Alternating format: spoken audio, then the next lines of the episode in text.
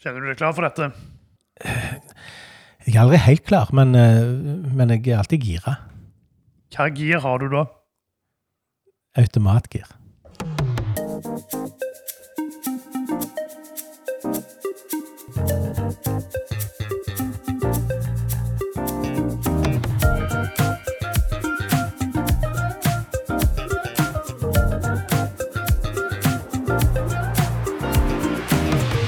Hjertelig velkommen til podkasten Er du helt grønn? med Roger. og Morten. Påsken er bak oss. Det er vår i lufta.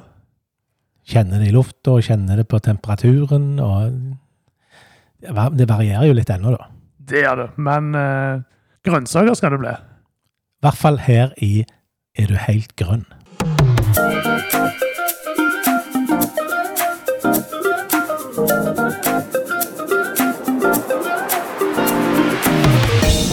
Det vi skal snakke om nå, det er ting vi er opptatt av. Og vi begynner med deg, Morten. Hva er du opptatt av akkurat nå for tida? Nå er det bare én ting for tida. Intenst, men svinkjekt når vi får det til òg. Okay. Nå I går og på lørdag så hadde vi siste øvingshelga til den forestillingen som jeg har nevnt noen ganger før. Ja. Kaptein Løvetann og Skatten på Piratøya. Ah, Så da hadde vi siste øvingshelga, og så er det sjarmøretappen igjen. Og premiere om eh, halvannen uke. sykt spennende. Ja, og de ungdommene vi har, altså. De er så flinke, og det er kjekt å se at noe som en har skrevet, blir levende på scenen på den måten. Mm. Jeg ser jo mye forskjellig både på TV og hvis vi er ute på ting. Men ungdomsteater i Hjelmeland er det som har klart å få både goosebumps, altså høneskinn, gåsehud, kall det hva du vil, og eh, tårer i øyekroken hos meg. Det er få ting som virkelig får fram de tingene hos meg. Ja, og Da forstår du hvorfor jeg er opptatt av dette for tida. Mm. Men du, Roger, da. Hva er det du er opptatt av? Akkurat nå holder jeg på å forhandle litt med meg sjøl. Jeg vet ikke helt hva jeg skal gjøre. Jeg eh, har jo en hage hjemme. Og utenfor huset er det en terrasse. Den har ligget der i 15 år, noe sånt. Begynner å bli litt sliten. Skal jeg beise den, eller skal jeg olje den, eller skal jeg slipe den først? For nå begynner vi jo å få fliser i beina når vi går barføtt. Og det, Åh, det er vondt. ja. Men så er det ekstraarbeid. Jeg tror jeg hadde slipt den, og så hadde jeg eh, bukt beis. Ja. Ja. Jeg, jeg er ganske fornøyd med, med lys og beis, for dette, du Ja. ikke være varme. Lys og beis, eh, og så ikke den der oljegreia. Mm. Olje må du jo gjøre hvert år, egentlig, og beisen kan gå tre år. Jeg husker det når jeg bodde på Fister, så var det vel 150 kvadratmeter med terrasse, så jeg fikk en del erfaring med hva som var lurt å gjøre og ikke. Ja. Jeg, eh, men grunnen til at jeg går og forhandler med meg sjøl, er at hvis jeg skal slipe den, da blir den jo sikkert veldig bra, men da Jeg brukte litt for dårlige skruer. Jeg kjøpte de billig. Eh, og da må jeg drive på og bytte på skruer og skru de lenger ned, og da ryker de sikkert, eh, for det skjer når de er så gamle. Det blir mye pottel. Vi håper han er klar til neste samling med, med bålgrop. Ja, det satser vi på.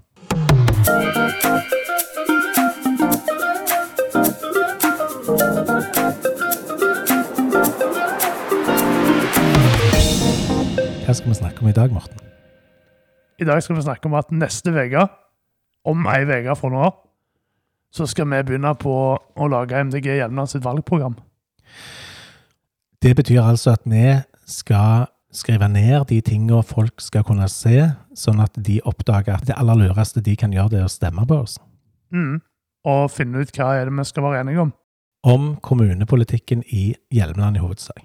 Ja, for vi har jo fått litt kritikk tidligere på at MDG snakker veldig mye oppi skyene og svever over hodet på folk med vår politikk. Det er litt for langsiktig og litt for lite konkret. Så vi må jo finne ut hva er det vi skal gjøre helt konkret i Hjelmeland for at folk skal ha en grunn til å stemme på oss. En ting er jo om den kritikken er riktig. Eh, Det kan vi diskutere. Vi har jo hatt mye konkret før òg. Vi har hatt mye konkret, men jeg tror òg vi må erkjenne at eh, MDG har nok en politikk som er litt for langsiktig for mange av velgerne våre. Så vi må Sånn som de sier på Stortinget, vi må ha to tanker i hodet samtidig. Ja. Men, eh, men vi har jo blitt enige, både meg og deg, om at grunnen til at vi valgte MDG, er jo det kompromissløse fokuset på at vi setter bærekraft og miljø og natur framfor andre saker. Ja, og at de sakene da må være innenfor ramma av ansvarlig politikk på de områdene du nevnte. Mm. Og noen av våre velgere, og selvsagt de som står på lista vår, de forstår jo dette. Mm. Men når vi skal lage valgprogrammet, så må vi òg konkretisere mye mer enn vi har gjort før. Hva er det egentlig det kan bety, f.eks. i et lokalsamfunn som Hjelmeland? Ja, betyr, betyr det at vi ikke har lov til å kjøre bil lenger, Roger? For det er jo sånn MDG gjør i Oslo, å ta vekk parkeringsplasser og tvinge folk til å ta bussen og alt sånt. Er det det vi skal i Hjelmeland? Vi har jo ikke lagd programmet ennå, men eh, jeg kommer jo ikke til å jobbe for at det skal stå i vårt program. Nei, for det er jo forskjell på MDG i by og MDG på landsbygda. Mm. Et parti, men med ulike virkeligheter. Mm. ulike forutsetninger og ulike utfordringer. Alt etter hvor du er. Og vi har jo erfaring med at politikken vår virker. Mm.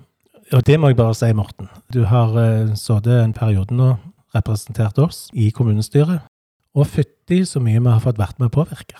Bra jobba, Morten. Takk, takk. Og i like måte. Du er jo med og pønsker ut en del av disse tankene og sakene vi skal jobbe for. Ja, og det er det som er så inspirerende med lokalpolitikken og med det å være et bitte lite parti i en eh, liten kommune.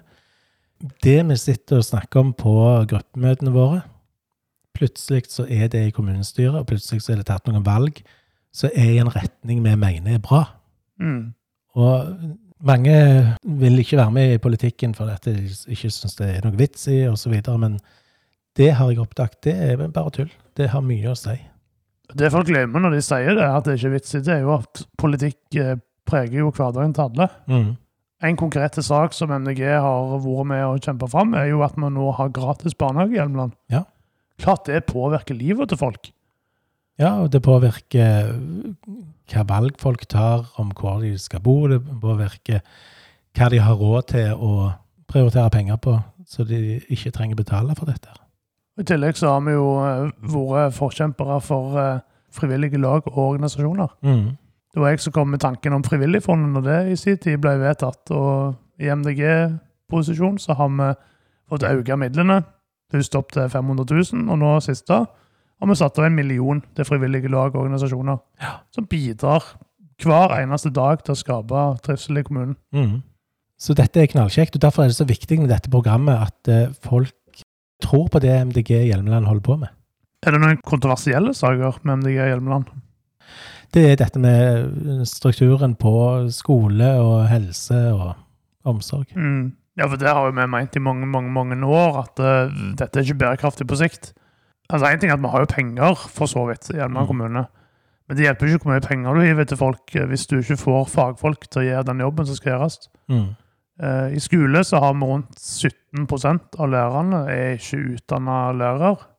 Og det er ikke bra. Nei, Vi mener jo det at vi heller skal sentralisere internt i kommunen. Ha én skole der det er lettere å, å samle elever på én plass. Mm. Elevene får muligheter til å bli kjent med noen som, som treffer på deres kanal, i større grad enn på en liten skole med fire stykker i klassen. Mm. Og at en da får eh, kvalifiserte eh, og utdanna lærere til et større fagmiljø. Ja, og grunnen til at jeg sa at det, det var dette jeg tenkte var kontroversielt, det er jo fordi at dette har vært heftige diskusjoner i mange år. Eh, politisk og rundt bord og i lunsjer og sånn. Men mange ser at det, dette er nødvendig for at eh, Hjelmeland skal virke. Eh, og nå har vi jo ikke skrevet dette programmet ennå, men meg og deg er i hvert fall ganske enige i at eh, vi bør jobbe mye med denne strukturen og sentralisere den. For at, eh, hvis det at eh, vi ikke tar på alvor at ting forandrer seg, og at disse behovene du nevnte for gode fagmiljøer og sånn, er der, så får vi en kommune som virker dårligere. Og da har vi færre argumenter imot kommunesammenslåing, f.eks. i framtida. Mm. Ja, hvis vi lar følelsene styre mer enn eh, fornuften her. Mm. Så blir vi slått i hodet av statsforvalter og Ja. storting og regjering som mener at eh, vi driver ikke kommunen godt nok. Og da havner vi i hvert fall i bakevja. Det vil vi jo ikke. Nei. Eh, nå nevnte vi skole. Eh, jeg tror òg dette med omsorgssenterstruktur kommer til å bli et tema. Mm. De som følger oss, husker jo i episode 26. Da snakket vi om den heilskapelige innsatstrappa. Ja. Der vi fikk streng beskjed om å nettopp gjøre noe med, med strukturen og finne ut hvordan vi bruker pengene våre. Og det understrekte jo det vi har snakket om lenge. At vi må gjøre noe med den dyre strukturen vi har nå, sånn at de pengene kan brukes til å gi kvalitet og ikke spredning. Og at det er lettere å bemanne ett omsorgssenter med døgnbemanning enn å faktisk drive med to Mm. bemanna omsorgssenter i en liten kommune som Hjelmeland. Nå røper vi jo allerede litt om hva vi vil ha inn i programmet. Eh, Men jeg tror det er viktig at vi er tydelige, så folk vet hvem vi er, og hva vi vil. Ja, og Vi gidder ikke sånn svada-formuleringer for å sanke flest mulig stemmer. Vi er heller ærlige om hva vi mener, og så får folk velge oss hvis de mener at vi er det rette alternativet. Det er mye bedre. Er oppsummeringen da at eh, MDG er ikke et ettsaksparti, sånn som mange tror? Ja, og det tror jeg alle vet. Det er bare retorikk folk bruker for å lage større avstand, tror jeg. Vi har faktisk politikk på veldig mange områder. Og jeg mener vi har eh, ganske et godt alternativ til mange.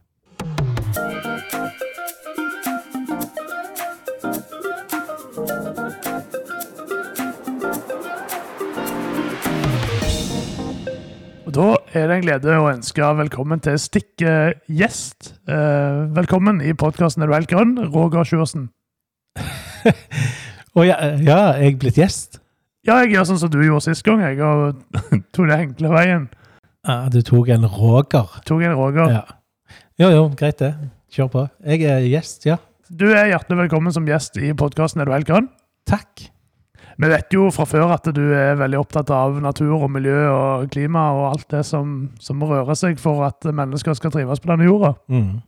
Men nå lurer vi også litt mer på hvem er du? Hvem er mennesket bak alle disse tankene? Hvem er jeg, og hvorfor er jeg til? Ja, Det er jo et filosofisk spørsmål mange har stilt seg. Ja. Hvor, eh, hvor er du fra? Før jeg flytta her til i 2000 ca., så var jeg fra byen. Og byen i denne sammenheng det er Stavanger. Jeg er vokst opp på Vaulen. Rett overfor Vaulen skole. Eh, derfor sier jeg skole, ikke skole. Eh, der bodde jeg til fra jeg var fem. Før det bodde jeg på Hana, og jeg har bodd på Hummersåk. Så havna vi i Hjelmeland, og har vært der etterpå. Vi flytta først inn på Furutangen og bodde der i fire år. Kjempekjekt. Naturperle. Gry, eh, kona mi, jobbet der eh, som alt fra daglig leder til kjøkkenpersonale, til eh, vaskepersonale, til Ja, hun gjorde alt. Men det ble litt mye at vi hadde folk i helgene og midt i uka og sånn, så valgte vi etter hvert også å bygge, bygge et hus på Randøy, og har blitt værende her og fått flere unger. Karina, Janne og Eigil, i den rekkefølgen. Så dere er rett og slett eh, landa på en naturperle? Ja, knallbra. Vi ser eh, sjø og fjell og skog og bondegård og eh, ei bygd. Og vi ser alt. Unntatt by, og det var egentlig litt derfor vi flytta. Etter alle disse åra på landsbygda, kjenner du deg som en byas, eller er du en bygding? Når jeg flytta her til, så var jeg jo vant med by, og tenkte som en bymann, tror jeg. Det kan egentlig illustreres med at det, når jeg kom her, så snakket jeg om at vi flytta ut til Hjelmeland. Og da sa alle nei, du flytta inn til Hjelmeland. Nei, nei, nei, det var ikke logisk i hodet mitt, for det var ut fra byen. Det var liksom identiteten min og forestillingen min var at eh, byen er kjerna, hovedpunktet, og så alt utenfor er mer perifert. Eh, Så ja. Jeg er jeg- bor på bygda, og vet jeg gjør det. Og så har jeg bodd i byen. Jeg har jo en del fra byen med meg. Det har jeg nok. Er det noe spesielt du har tatt med deg fra byen, som eh, gjerne folk her i Hjelmeland òg har merka? Ja, kanskje det Jeg merka jo det var en forskjell på kultur. Eh, så jeg tror jeg har gjerne hatt med meg litt både holdninger og måter å tenke på som er vanligere i byen enn på landet. Uten at jeg klarer å konkretisere det mye. Men én ting jeg, som fikk meg til å få litt kalde føtter når jeg flytta her, det var jo at eh, jeg var vant med at når vi snakket sammen i byen, venner og folk du ble kjent med, så gikk vi ganske mye ned i dybden i filosofi og om psykologi og livet og alt.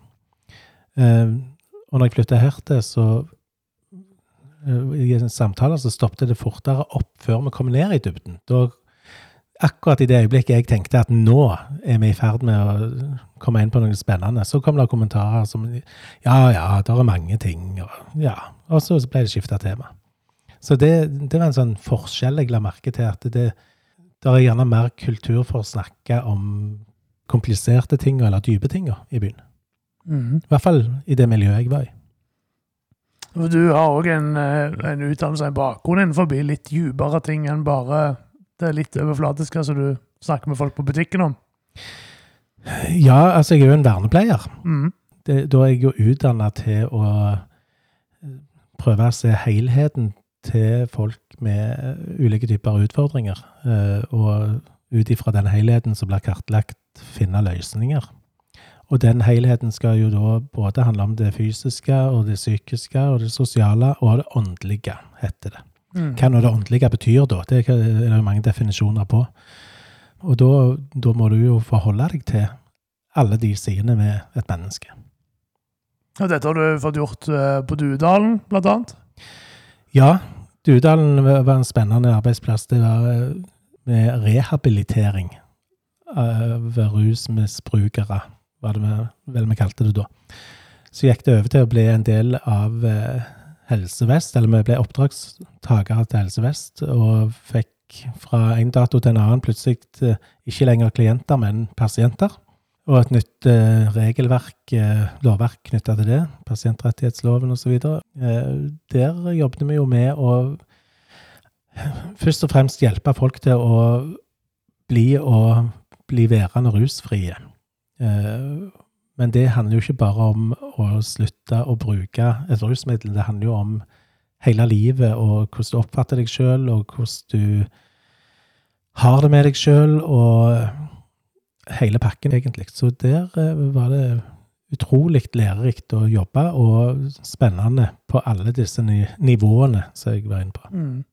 Er det, er det, denne helhetstanken om mennesker som du òg tar med deg inn i barnevernet, der du jobber i dag, da? Ja, det vil jeg tro. Altså, jeg ser jo at jeg har mange fordeler av å ha vært innom både rus og psykiatri eh, i erfaringen min inn i barnevernet. Og det er jo klart Alle de jobbene jeg har hatt, da tar du jo med deg sjøl som et verktøy. Eh, I samtaler og i veiledning, så jeg har mye, foreldreveiledning, så, så bruker jeg meg sjøl. Og da, har vi jo en, en livserfaring eh, der vi enten har opplevd noe eller ikke har opplevd noe. Så begge deler er, er med å påvirke. Og det syns jeg er et kjempespennende landskap. Eh, prøve å forvalte det jeg har med meg, på en måte som er til hjelp for noen, og som gjør en forskjell. Så kan vi jo, må vi jo spørre de om det, om det hjelper, da. Men eh, det er jo det som er målet. Både den formelle kompetansen, men òg livserfaringen. At den kan være med og dra i en god retning. Mm. Men det å dra folk i en god retning, det det har du jo òg til de grader gjort på, på fritida di, med diverse fritidsaktiviteter som du har latt andre få lov til å ta del i. Jeg har jo òg vært med deg i Dvaske menn, f.eks., og, ja. og spilt uh, revy med deg, og uh, hørt på at du spiller i storbandet. Ja. Så du virker jo til å, til å trives på en scene. Ja, jeg trives og drives vel av På en måte litt ekkelt å innrømme, men jeg liker jo å imponere. Eh, det, jeg er ikke alene om det, tror jeg, men det er en av det Altså det å vise at jeg kan noe. Eh, få tilbakemelding på at det virka, eller at det var bra, eller at det var kjekt, eller Så det er en kombinasjon mellom litt sånn egoistisk at eh, jeg vil ha gode tilbakemeldinger, men òg det som gjør det enda bedre, er å merke at folk blir glad av det, eller trives med det. Så litt ego og litt uh, for andre. Mm. Ja, jeg tror jo folk Hjelmeland setter pris på, på, ditt bidrag i å imponere eller vise noe som du kan. Ja, jeg håper det. Ja. Er, det. er, det noen av disse tingene som du kjenner at du er, du er ekstra fornøyd med at du kan? Det, det skifter fra tid til tid, for jeg har lyst til å prøve alt. Så jeg har jo prøvd meg litt på trommer i ungdomsteater, og så har jeg vært på tangenter, og så har jeg spilt litt uh, bass i et band, uh, Bråk og Sandråg, og Nei, jeg vet ikke. Det, jeg, jeg, er som prosjektmann. Uh, jeg holder på til jeg syns jeg har oppdaget hvordan ting kan være, og ikke sikkert jeg får det til så bra som jeg tenker at det kan bli, men når jeg begynner å få noe til, så får jeg et nytt prosjekt. Så har jeg lyst til å lære det eller prøve det. Så jeg klarer ikke å trekke fram noen sånne spesielle ting. Det, det er bare kjekt å holde på. Mm. Er det litt sånn at du hopper veldig fra prosjekt til prosjekt? Sliter å, sliter å lande i noe, eller er det bare at du kjenner at nå var du ferdig? Nå har jeg jo vært med storbandet fra begynnelsen, da. Og vi har jo holdt på 14-15 år. Borg og Sandråg i en god del år det, jeg, jeg, er jo med en stund i de tingene jeg holder på med, da. Så det er gjerne det som er problemet, at istedenfor å hoppe fra en ting til en annen, så hopper jeg på en ny ting, og så blir det litt mange ting etter hvert.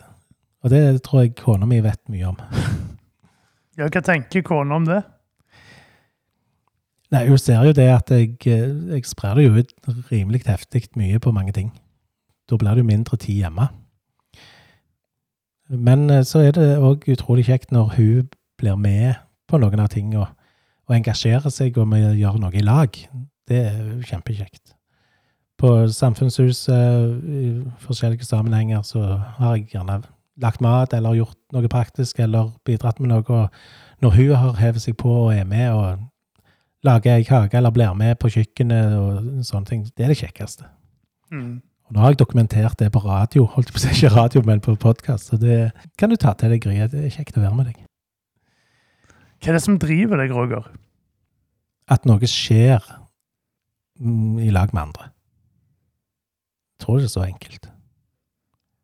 Er det et behov for å gjøre noe, eller behov for å ikke være aleine? Jeg var en gang på noe som de kalte retreat. Det var en slags øvelse i å slippe tak i noe av de tingene som er i hverdagen, f.eks. det sosiale. Vi skulle spise uten å snakke, bare høre på en eller annen rolig klassisk musikk osv., og, så og så skulle vi ha alenetid. Dette var tre dager som var fullstendig meningsløse for meg.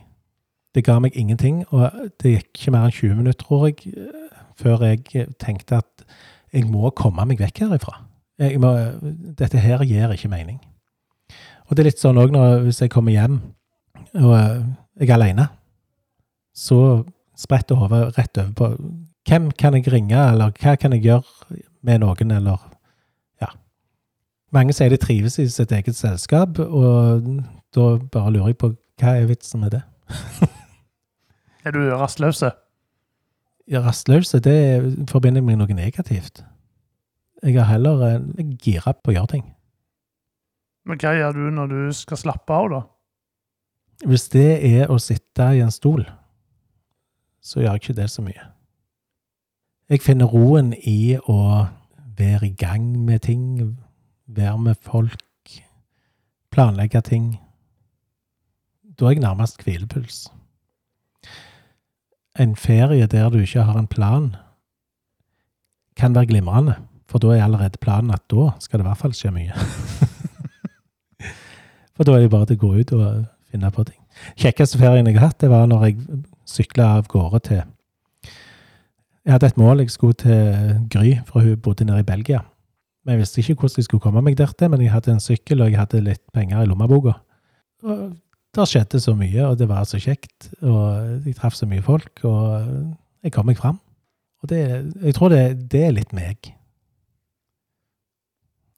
Jeg tror jeg skal på flere sånne ferier. Hva tror du folk vil huske om Roger Sjursen? Jeg tror de vil huske at jeg var engasjerte, og at jeg av og til gjorde, gjorde ting som de klødde seg litt i hodet av. at jeg av og til var overengasjerte. At jeg var en som prøvde å ha det kjekt. Prøvde å gjøre en forskjell. Føler du et behov for å bli anerkjent for det du gjør, eller er det, eller er det nok å bare gjøre det? Nei, det behovet er ganske høyt. Mm. Og det, det er noe av poenget.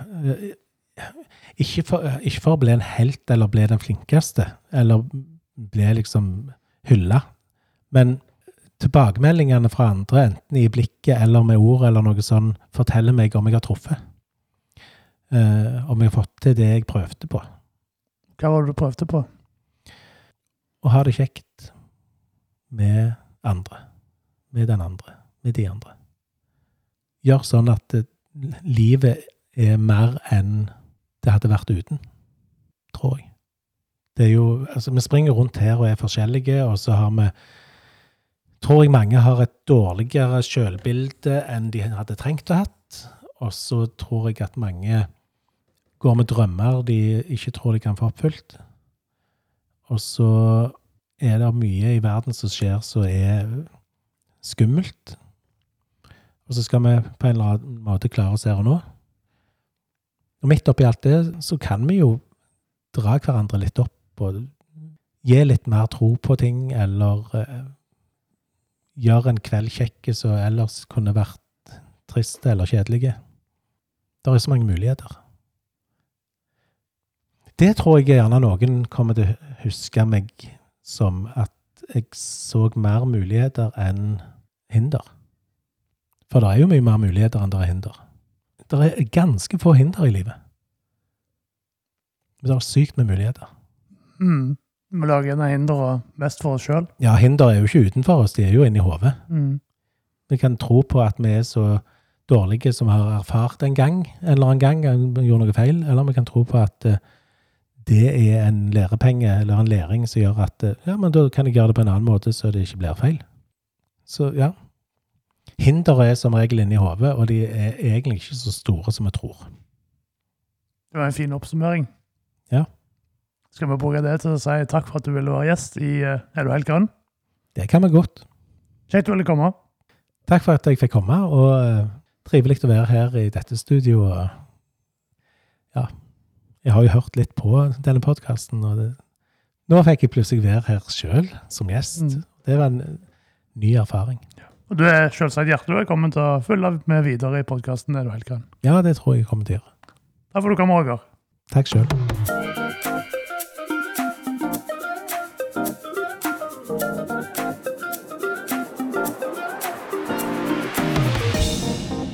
Da er vi kommet til stikket som heter Herlige Hjelmeland. Og hva er temaet for dagens Herlige Hjelmeland? I dag er temaet at vi ikke må ta med saga opp i treet vi klatrer opp i. Aner jeg en metafor her? Yes. Du vet dette her med å sage over greina vi sitter på, sant? Ja. Det, det, det betyr at av og til kan vi gjøre ting eh, så ikke så lurt, som gjør at det, ting går galt. Eh, og jeg syns at vi her i Hjelmeland gjør en del lure ting sånn at det ikke går galt.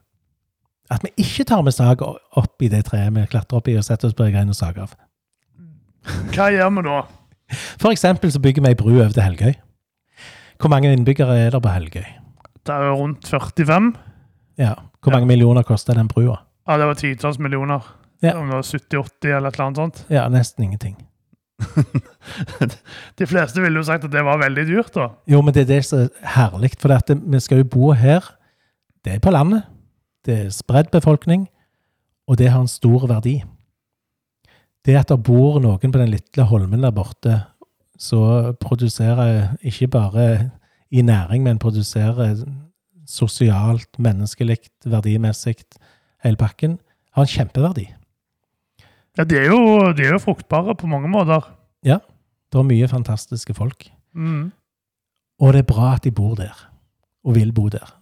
Og da tenker jeg at de millionene, de er ikke særlig mye. Det er 1,7 millioner per hode. Ingenting i forhold til hva vi får igjen. Og det, det med Helgøy er bare et eksempel. Det at vi legger til rette her i denne kommunen for de oppe i dalen og de borte i den lille bygda eller på den gården, at det er mulig å ha det greit her. Det gjør Hjelmeland herlig. Og så sager vi ikke over den greina vi sitter på. Vi kan fortsatt ha denne kommunen sånn den er. Har du noen eksempler? Ja, vi bruker jo en del tusenlapper i året for, eksempel, for å holde liv i et grendehus i Vormedal. Ja. Og når kommunen trenger å kjøpe noe, så er kommunen flinke til å bruke f.eks. lokale butikker, lokale entreprenører, håndverkere. Det kan jo ha det vært billigere å fått et stort firma fra Jæren til å gjøre samme jobben, men en er veldig bevisst på at en bruker det som finnes i nærmiljøet. Mm. Og hvis vi ikke hadde gjort de tingene her, hadde det vært særlig herlig å bo i Hjelmeland da? Nei, jeg tror mye av styrken er at vi anerkjenner det som skjer rundt oss. Mm. Og dette gjør at jeg syns dette passer hjemme i herlige Hjelmeland.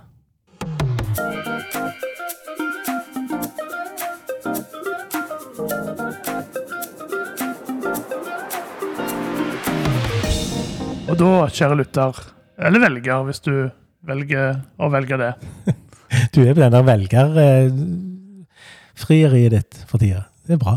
jeg syns det er på tide å være åpen om det, i alle fall. Ja. Ja. Vi vil jo ha velgere. Det vil vi. Og vi mener jo at mye av det som vi står for i MDG, det er rett vei å gå. Det er hele poenget.